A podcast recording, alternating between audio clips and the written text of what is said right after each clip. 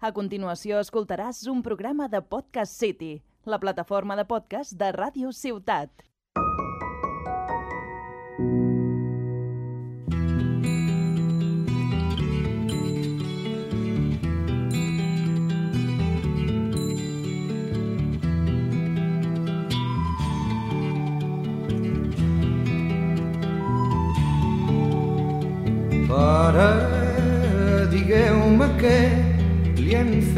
Riu que ja no canta. Rellisca com un barb mort sota un pal d'escuma blanca. Bones a tothom i benvinguts a la sisena entrega de Tarragona Sostenible, el podcast de Ràdio Ciutat de Tarragona que realitza el marc de les activitats dutes a terme des de la càtedra d'AU URB de Desenvolupament Sostenible.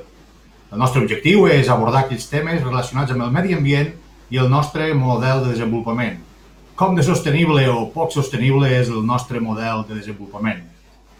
Des de que vam començar amb el programa, allà per la tardor del 2020, ja hem parlat de la mà d'experts, de la transició energètica, de la percepció del risc petroquímic al Camp de Tarragona, de la mobilitat de turistes i residents en el marc de la Covid-19, dels serveis climàtics dirigits al turisme sol i platja i a la pràctica del surf, i en el darrer vam parlar dels connectors ecològics, que són les seves funcions, etc.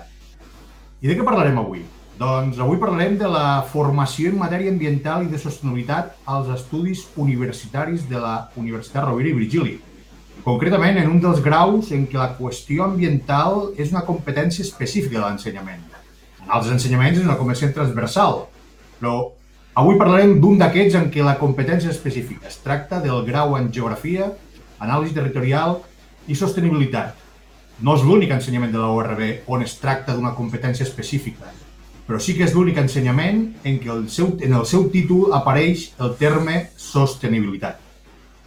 I amb qui parlarem? Doncs avui ens visita el doctor Jordi Blai, professor del Departament de Geografia de la URB i responsable d'ensenyament, el que també podem nomenar com coordinador o cap d'estudis, del grau en Geografia, Anàlisi Territorial i Sostenibilitat, un ensenyament que s'imparteix a la Facultat de Turisme i Geografia al campus Vilaseca. Hola Jordi, gràcies per estar aquí amb nosaltres avui. Hola, Òscar, bona tarda, com anem? Bona tarda. També contem amb dos dels estudiants de Geografia. Eh, fins ara han portat investigadors, professors, etc. I avui, a més de portar el professor Jordi Blai, el coordinador del, del centre d'ensenyament, doncs han volgut portar a dos dels estudiants d'aquest grau. Concretament són estudiants de tercer curs i tenim amb nosaltres el Marc Domínguez i l'Anton Montserrat, que ens parlaran d'un projecte que han dut a terme en el marc d'una de les assignatures de caràcter aplicat d'aquest ensenyament de la URB. Marc, Anton, molt bones i gràcies per estar aquí avui amb nosaltres. Bona tarda. Bona tarda. A veure, Jordi, eh, geografia, entenc que no sabés totes les capitals, rius i muntanyes del món mundial, veritat? Què és la geografia o quina és la formació que reben estudiants com l'Omarc i l'Anton en el marc del grau en Geografia, Anàlisi Territorial i Sostenibilitat de la URB? Bé, home, la, la formació, evidentment, és, és més que saber capitals, rius i muntanyes, això està clar. Eh, però que, que quedi clar també que saber capitals, rius i muntanyes ajuda, eh? Perquè, a veure, una persona que vulgui fer matemàtiques, oi que s'ha de saber les taules de multiplicar? Doncs això ve ser una mica el mateix. Si a classe parlem de problemes que passen al Pirineu o que passen als Alps o que passen a Baviera, la gent també ho ha de saber. Per tant, una mica s'ha de saber, però, vaja, vull dir, no suspenem a ningú perquè no sàpiga la capital del Camerún o, o la de Namíbia. Eh?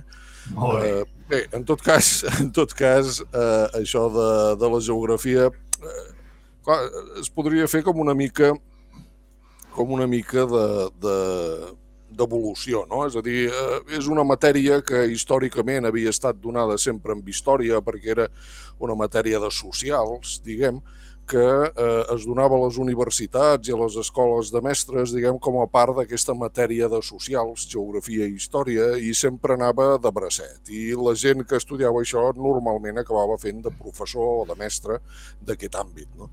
Eh, esclar, això diguem, va durar ben bé fins, fins, eh, vamos, fins no fa pas masses dècades, diguem. De fet, jo mateix als anys 70 vaig estudiar Geografia i Història i tenia molt clar que, que segurament acabaria als instituts. Eh, mm. Com que no vaig aprovar les oposicions, vaig anar a la universitat. va anar així, això. I, i bé, en tot cas, eh, és clar, de passar de ser una matèria destinada eh, sobretot a professors, diguem, i molt lligada a la història, resulta que, eh, bueno, que és, que és així com es va implantar a Tarragona, resulta que això va anar evolucionant en el temps. I han sortit altres utilitats, sobretot a partir dels anys 80-90 i molt especialment a partir dels, dels 2000, ha anat canviant el caràcter dels coneixements vinculats a la geografia. Ha anat prenent molta importància qüestions com el medi ambient, com el desenvolupament eh, local, diguem, el desenvolupament econòmic i social, per dir-ho d'alguna manera, la planificació del territori, tot són coses que, eh, diguem, eh, estudiar-ho o treballar-ho diguem, des del punt de vista de la geografia, doncs eh, eh, li dona diguem, li dona al geògraf un cert avantatge amb respecte amb altres disciplines que són molt més especialitzades en temes molt concrets. No? I això el que va fer va ser que a poc a poc aquesta geografia que s'estudiava amb la història, que a Tarragona doncs, tenia un grup de gent eh, establerta de feia ja molts anys, diguem, eh, bueno, i que s'estudiava en la història, a partir de mitjans dels 90 s'estudiés en una llicenciatura específica, eh, tots aquests aspectes nous, i eh, quan es va plantejar el grau, diguem, és a dir, les noves carreres dintre del marc europeu, que és on, on estem ara, diguem, doncs, bueno, en el nostre cas vam optar, a diferència d'altres carreres o a diferència d'altres universitats, diguem, nosaltres vam optar per, per donar una mica aquest, aquest eh, matís més professionalitzador i més relacionats amb aquests nous eh, camps de treball, no? de medi ambient, desenvolupament, planificació, però també, diguem, en, en relació a les tecnologies de la informació geogràfica que ha tingut un creixement molt important els últims 20 anys. I a partir d'aquí, diguem, doncs, eh, eh, amb tots, eh, sense oblidar, diguem, aquesta primera idea de, de, de que la gent ha de saber geografia i per tant s'ha d'ensenyar geografia als instituts i a les escoles i per tant això va bé per formar mestres, doncs també ens ha anat bé per, per, bueno, per aquestes noves professions i per aquests nous treballs i hem anat adaptant la, la carrera doncs, amb aquests nous, nous treballs.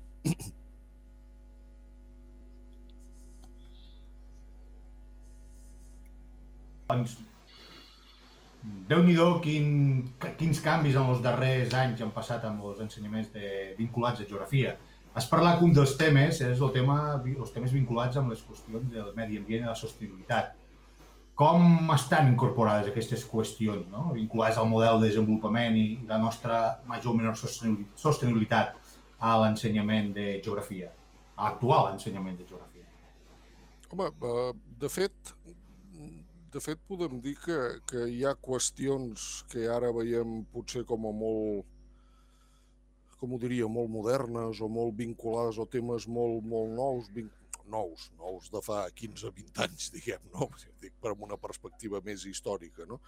Que vinculats a sostenibilitat, a medi ambient, etc etc, que de fet dintre de l'àmbit de geografia s'havien treballat durant, però ja fa, ja fa moltes dècades. Per què? Bueno, perquè eh, es tracta d'un ensenyament que eh, diguem, ajunta o eh, treballa la, aquestes relacions, entre altres coses, diguem, aquestes relacions entre el medi físic i el medi humà. No? Eh, difícilment podem parlar de, de qüestions mediambientals si no parlem del paper de l'home diguem, sobre eh, la natura. No? I, per tant, diguem, eh, eh, això fa que, que en el nostre grau diguem, en el nostre àmbit de coneixement, que toques aquestes dues coses, diguem, toques medi social, toques medi físic, eh, o medi biòtic també, eh, doncs, bueno, sigui un, un, un lloc interessant per treballar això. Mm, bueno, eh, eh, hi ha algunes assignatures en què la, el medi ambient, la sostenibilitat, diguem, són a la base del coneixement que s'imparteix, diguem, doncs hi ha assignatures d'avaluació d'impacte ambiental, hi ha assignatures d'avaluació de riscos, hi ha assignatures de canvi climàtic, hi ha una assignatura específica de, de medi ambient i sostenibilitat, en fi, eh, eh, però en canvi en d'altres assignatures és més aviat l'òptica que s'agafa, la perspectiva en què s'agafen els coneixements, o hi ha una part dels continguts, no? per exemple, doncs, hi ha sempre fem una mica de toc, per exemple, de, de sostenibilitat en espais rurals, en planificació, en desenvolupament, hi ha assignatures de paisatge on tota aquesta qüestió de la sostenibilitat també és molt important. És a dir, que, que depèn una mica de l'assignatura, la, eh, es dona més importància o menys importància, però és evident que quan parlem doncs, de, de qüestions, per exemple, de desenvolupament, és obvi que a la base de tot, diguem, el que hi ha és aquest paradigma o aquesta idea de, de desenvolupament sostenible a la base, no? I quan parlem de planificació, igual, eh? i ja no diguem quan parlem d'avaluacions d'impacte o, de, o de riscos vull insistir en que no és una, no és una carrera d'ambientals, eh? Vull dir, eh, però sí eh, diguem que hi ha molta sostenibilitat, hi ha molt de desenvolupament sostenible, hi ha molt de, bueno, hi ha bastant de medi ambient a dins, no? però amb aquesta perspectiva doncs, més potser àmplia. No? Molt bé, molt interessant. Mm, al pla d'estudis apareixen unes assignatures denominades per projecte. No? N'hi ha una en cadascun dels quatrimestres de cada un dels cursos que formen part de, de l'ensenyament. Eh, són habituals aquest tipus d'assignatures i en el cas de geografia, quin tipus de projectes s'han realitzat en aquestes assignatures? Bueno, eh, home, són assignatures que que clar, que estan muntades a partir de, de, de fer un treball part en grup, part individual, eh, que sigui un exemple d'aplicació pràctica o d'aplicació més relacionada amb el món professional, en algun cas de, de documents o de, o de treballs que es puguin fer en el món professional, d'una sèrie de coneixement de, de, de, de diferents tipus. No? És a dir, no es tracta d'agafar un àmbit concret i desenvolupar doncs, la teoria, la pràctica, doncs, jo que sé, de demografia o de, o de clima o de canvi climàtic o de no sé què, sinó d'agafar diferents elements eh, de, de diferents àmbits i aplicar-ho com si fos una, una, bueno, un, un treball professional o, en tot cas, com si tingués relació doncs, amb aquest tipus de treball professional. I, efectivament, aquest tipus de treball, en el cas de, dels graus de geografia, la veritat és que no està molt desenvolupat en assignatura. És a dir, fer assignatures específiques d'això pràcticament només ho trobarem al, al grau nostre. No? I bueno, crec que això li dona una especificitat doncs, eh, eh, interessant i fa que, que bueno, que sigui un tipus d'assignatura que en general jo crec que els alumnes doncs, agraeixen, no? en tot cas després que ens ho expliquin ells si volen. Eh? Eh, això per una banda. No? bueno, també és veritat que no són totes iguals, és a dir, evidentment un, un alumne que entra primer no li pots demanar el mateix que un que està tercer i, i aleshores, eh, és clar, vull dir, el que fem és augmentar una mica la complexitat o la dificultat del que es demana fer els alumnes i eh, a mesura que eh, van avançant no? I, i el paper del professor guiant a l'alumne a primer doncs, és molt més gran i en canvi doncs, a, a, tercer ho és menys, no? tenen més autonomia per fer les coses. Però en tot cas creiem que és interessant per això, no? perquè ajuda a, a, a, bueno, a veure tipus de treballs que es poden trobar en el cas doncs, de que després eh, bueno, vagin a, a treballar o desenvolupin funcions eh, professionals doncs, en aquests àmbits de, de treball de, bueno, per, als que, per als que facilita doncs, la nostra carrera. No? Demanaves algun exemple? Bueno, jo d'exemples te'n puc posar diversos. Ells en parlaran d'algun, però, per exemple, en el cas de, de primer curs, no? doncs, eh, fem dos projectes. No? Un ens interessava que la gent treballés eh, diguem, buscar dades, buscar eh, mapes, buscar cartografia, buscar estadística, buscar informació sobre diferents territoris del món i fer un estudi comparatiu. Bueno, aleshores això ho vam eh, vehicular cap a un estudi comparatiu doncs, per a un dossier d'una candidatura de paisatge cultural patrimoni de la humanitat. Bueno, eh, es va fer el treball exactament igual? Home, no, però en tot cas vam veure que per a, per a demanar ser eh, un paisatge cultural patrimoni de la humanitat, com ho va demanar en el seu moment el Priorat, diguem, doncs eh, bueno, el has de fer és comparar-te amb altres territoris i això a nosaltres ens donava l'excusa, diguem, perquè la gent s'habitués a treballar amb fonts estadístiques i en fonts cartogràfiques d'altres territoris. Un altre treball que fem a primer, per exemple, doncs, entrar directament en un tipus d'informe que es necessita doncs, en documents de planificació urbanística, com és la memòria social, i la gent aprèn a treballar, sap què és aquest informe i treballen amb dades de, estadístiques de població, dades estadístiques d'habitatge, i veuen quines són les que necessiten i com això encaixa dintre d'un informe que té una utilitat dintre de la planificació urbana per saber eh, eh, quantes cases s'han de construir o quin tipus d'habitatge s'han de construir. No?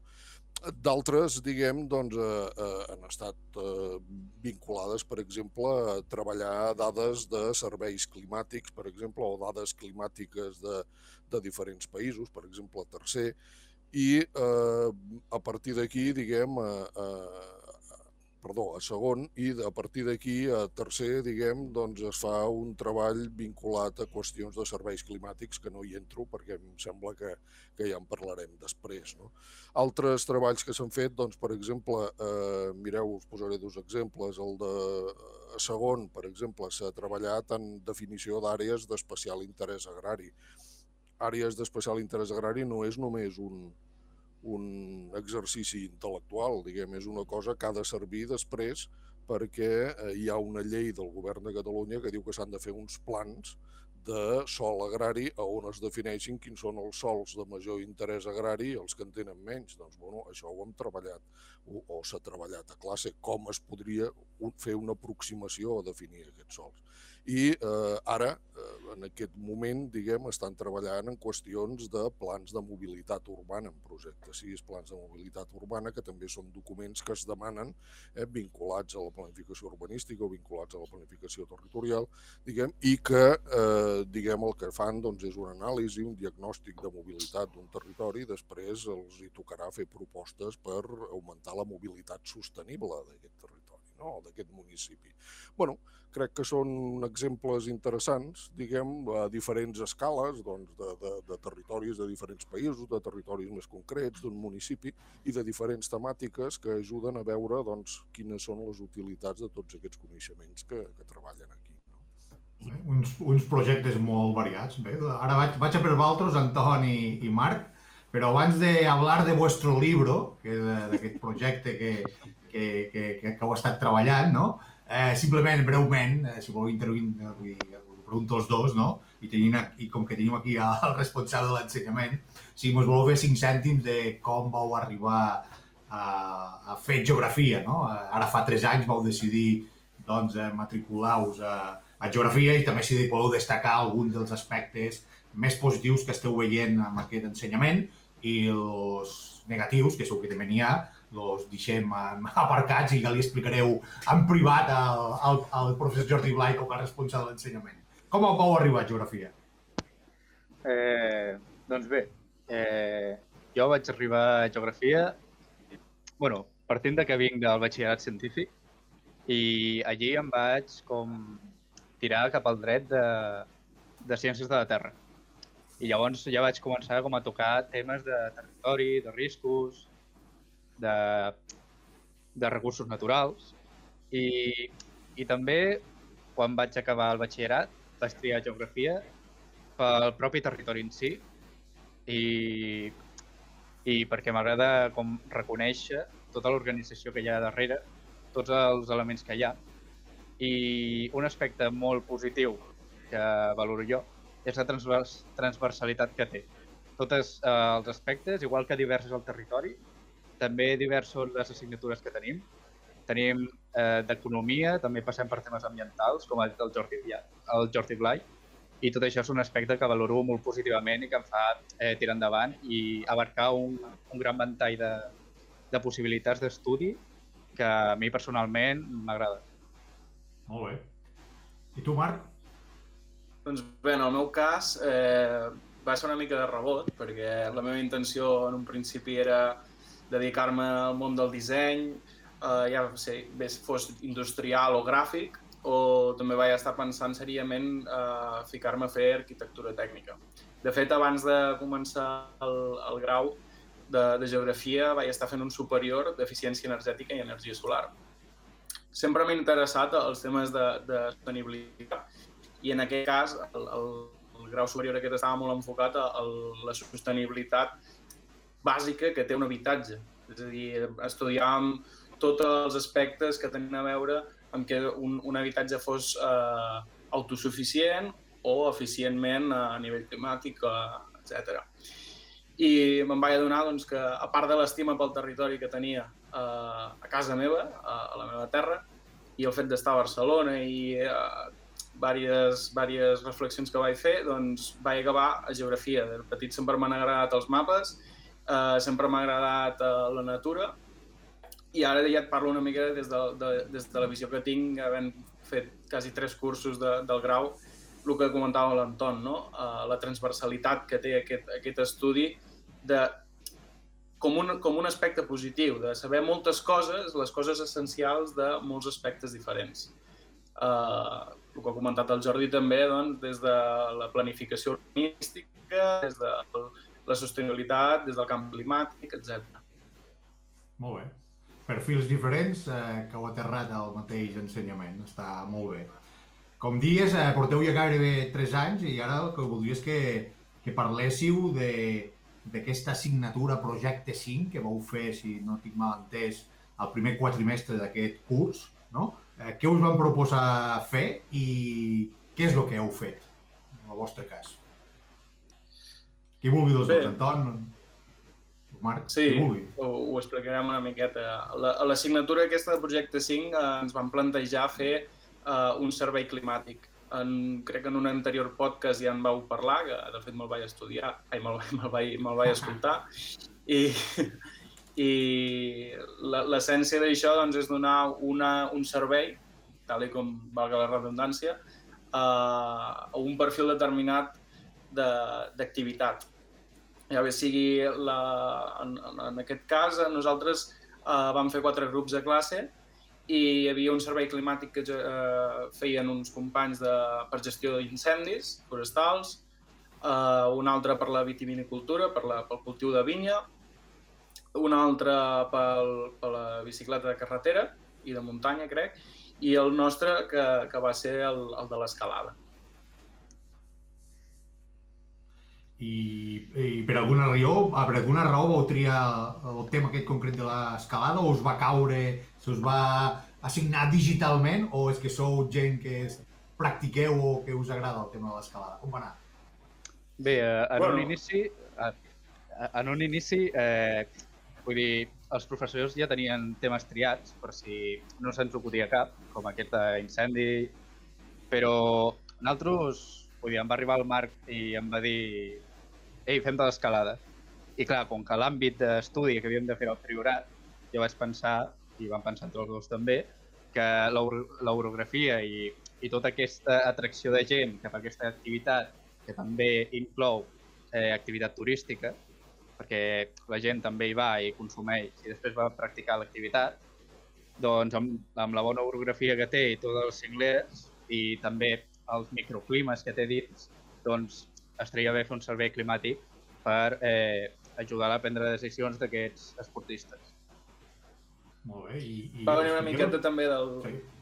Dic, dic, va venir una miqueta perquè jo practico l'esport i ja també altres vegades havíem fet altres treballs amb l'Antoni i el vam acabar fent junts per, per això i amb, amb l'objectiu aquest, no? de donar suport a la gent que practica l'esport, que potser algun dia seré jo, amb l'aplicació, amb el servei que puguem fer més endavant, o si és que arriba algun dia que el fem, o també els mateixos eh, agents del territori, a veure siguin eh, la restauració per saber si aquell cap de setmana hi haurà una afluència alta o baixa d'aquest tipus d'atractiu, que és, al final és una pràctica esportiva que té molta importància en el sector turístic.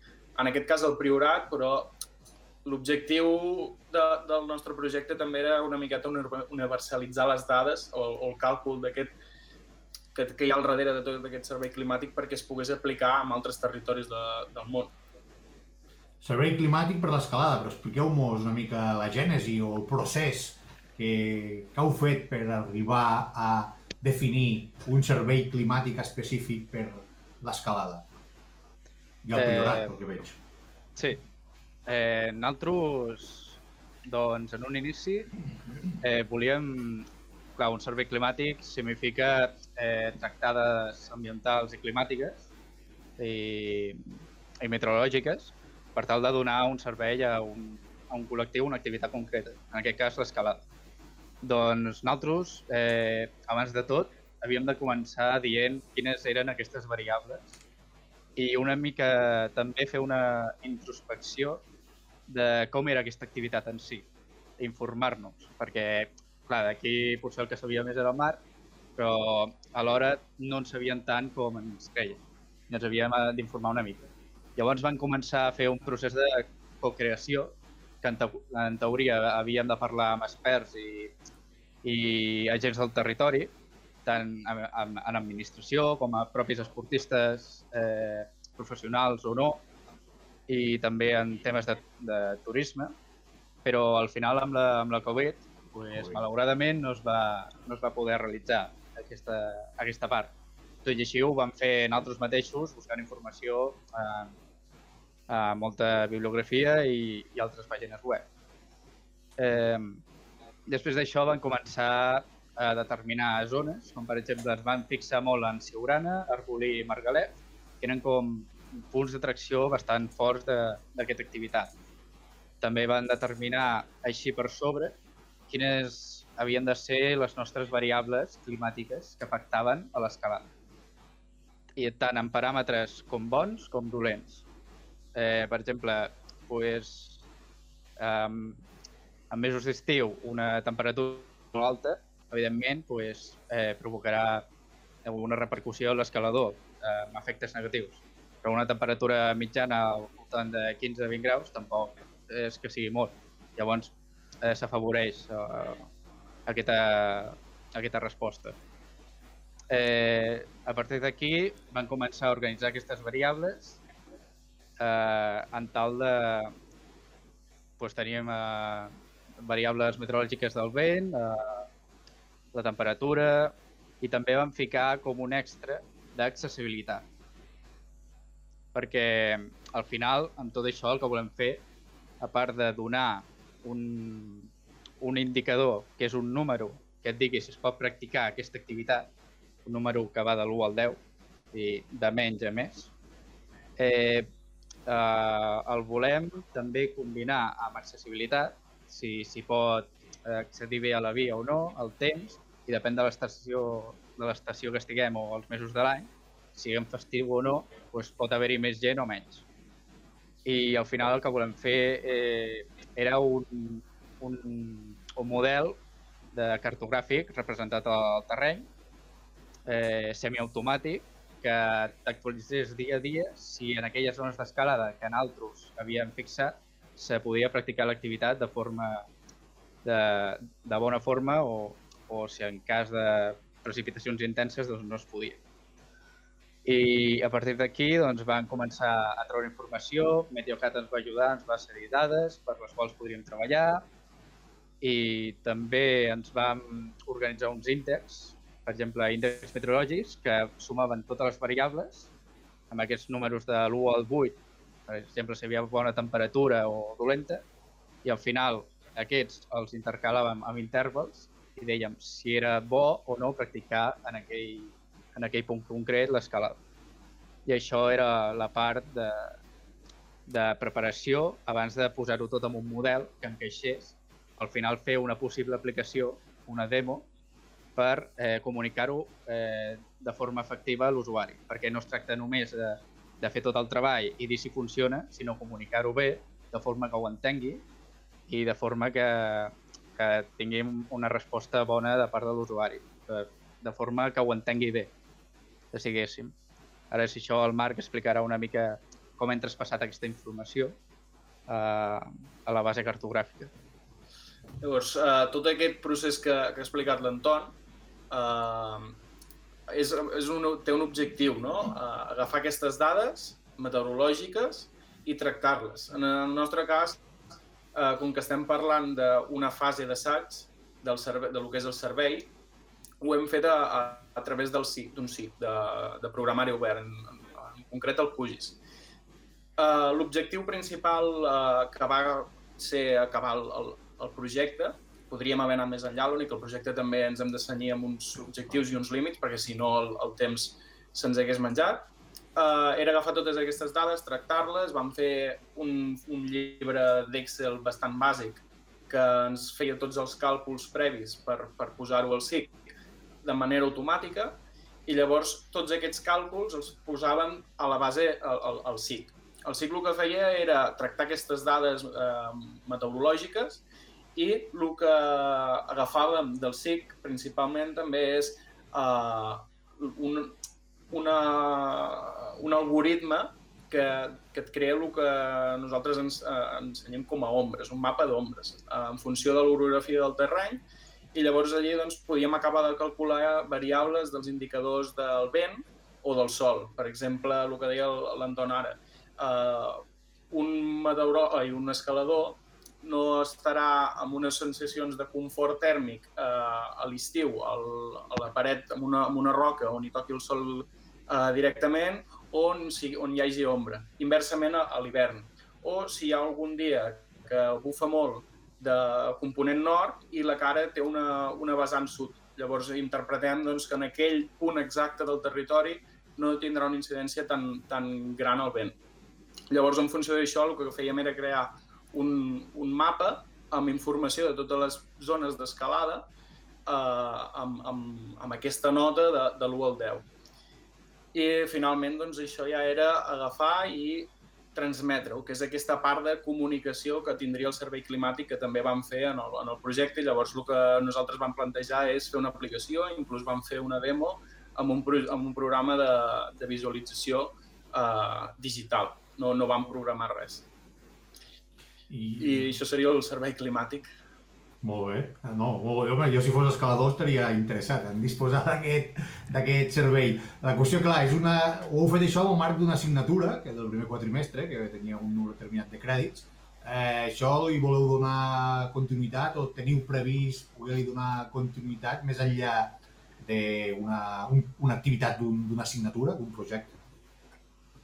Sí, la, la veritat és que eh, a part de que nosaltres dos estem, estem engrescats, ens van contactar els professors de la de l'assignatura i l'objectiu que tenien ells era convèncer-nos perquè ens eh, suméssim al seu projecte està sota el Aigua d'Indicis, que també són serveis climàtics de, que forma part de, de la universitat, també, un, un altre grup de recerca i incorporar un altre servei climàtic junt amb els altres dos que ells estaven desenvolupant, que era del, del surf i del turisme de, de sol i costa. O, eh, doncs això. I llavors el que nosaltres estem mirant de fer més endavant, ara no, no hi estem treballant, però sí que és eh, intentar que arribi més enllà i, i poder arribar a treure algun dia un producte amb dades ja no, no, no agafant dades d'any de, de, de anys anteriors, diguem-ne, sinó agafant dades automatitzades amb, un,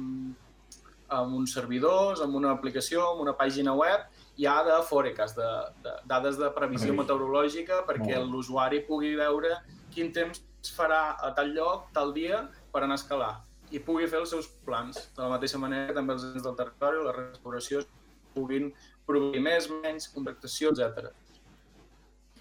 Molt bé, doncs eh, molt interessant, com deia. I per anar finalitzant, eh, Jordi, eh, bueno, ja veig que, que teniu uns estudiants molt, molt, que són molt actius i molt proactius, doncs eh, fes una crida o, sí, fes una crida a, als estudiants que actualment estan a batxillerat, als instituts i que són perfils similars als de l'Anton o el Marc, no? gent interessada en el territori, en les qüestions territorials i ambientals, doncs que, que, que geografia, la geografia de l'ORB pot ser l'opció a triar quan passin a la universitat? Bueno, eh, bé. jo abans, deixa'm dir una cosa al, al Marc i a l'Anton. Escolta'm, eh, podíeu haver triat una altra cosa en comptes de l'escalada. Jo si haguéssiu triat, per exemple, eh, jo que sé, buscar bolets, per exemple, doncs m'hagués fet més gràcia. Eh? Però saps que això m'ho vaig estar plantejant? Ah, veus? Ah, li plantejarem al professor per l'any que ve. A veure. Però que llavors aquí hem de, hem de dir en quins llocs se'n sí, fan i quins no, i aquí ja no ens, sí. no ens posarem d'acord. Això ja... Sí, bueno, bueno, però vaja. Home, però pensa que hi hauria gent que pagaria una pasta eh, per aquest servei, però vaja. Eh, Bé, en tot cas, eh, l'Òscar em demanava a veure què, què crec jo que pot ser més interessant de cara als que, bueno, els que han de començar a estudiar l'any que ve o, o l'altre, diguem. Home, jo crec que ho han dit el, tant el Marc com l'Anton. Diguem, a veure, si a tu el, si, si ets una persona, diguem que el que t'interessa és el món on vius, el teu entorn, el teu territori, estàs preocupat per temes de medi ambient, de desigualtats, de problemes de ciutats, de medi rural, o, o simplement t'agraden els mapes, vull dir, com deia el Marc, no? Doncs escolta'm, és un, és un, són uns estudis, diguem, que poden donar, per dir-ho d'alguna manera, eh, satisfacció a, a, a molta gent repeteixo, t'ha d'interessar l'entorn en què vius eh? i t'ha d'interessar doncs, això que dèiem, no? el territori i les, els problemes diguem, o les coses que passen pel territori. Eh? I això, aquesta, aquesta és una. També hem comentat la qüestió dels coneixements aquests amplis, no? Això també és important. És a dir, bueno, si tu això d'estar molt super especialitzat en un tema doncs és una cosa que no et va massa. Jo crec que aquí és, aquesta transversalitat doncs, és també un altre tema interessant i pensem que ara hi ha, eh, com comentàvem, doncs, diferents camps d'estudi, diferents camps de treball i diferents camps d'interès en què el que interessa és precisament això, persones que sàpiguen eh, una mica de, de, de diversos temes o que puguin tenir aquesta visió més àmplia que li falta una persona que està absolutament especialitzada en una cosa concreta, no? allò que dèiem de la, de la planificació, del paisatge, del, del desenvolupament, etc etc. No? Però, i per acabar, diguem, no només crec que aquest és l'element interessant, diguem, aquesta versatilitat o aquesta transversalitat des del punt de vista de continguts, sinó que també des del punt de vista pràctic és també una, una, o són uns estudis també molt transversals. És a dir, aquí, si ets una persona que el que t'agrada és anar a caminar pel camp o veure les coses pel camp, hi ha sortides de camp i són importants en la carrera. Si el que t'agrada és treballar amb l'ordinador, podràs treballar amb l'ordinador. Si el que t'agrada són els mapes i la cartografia informatitzada i les APPs, podràs trobar la, la, la teva cosa. I si el que t'agrada, diguem, doncs és ja la lectura i el treball més intel·lectual i d'investigació, també podràs. És a dir, que té una, una diversitat de, de, de possibilitats de treball, diguem, doncs molt gran i crec que això, com han comentat doncs, tant el Marc com, com l'Anton, diguem, doncs és un, és un dels elements, és un dels punts forts doncs, d'aquest estudi. Molt bé, doncs eh, anirem finalitzant i acabarem agraint al Jordi per les seves explicacions en relació al grau de geografia de l'URB i també agraint a l'Anton i al Marc per la seva explicació sobre aquest projecte tan interessant que han fet i que esperem que donguin continuïtat en el marc d'aquest projecte que comentar l'Indecis i que bé, com que el, el curs que ve també fareu nous projectes, esperem que en puguin fer d'interessants. I per què no, tornar-vos a convidar-vos a que vingueu a explicar el que heu estat fent. Doncs eh, moltes gràcies a tots Gràcies, gràcies, gràcies a, gràcies a tu, Òscar. I bé, doncs eh, acomiadem aquesta sisena entrega del podcast Tarragona Sostenible de Ràdio Ciutat de Tarragona i esperem que ens retrobem amb noves edicions per parlar de temes tan interessants com els que ens han parlat avui l'Anton i el Marc. Adeu a tothom!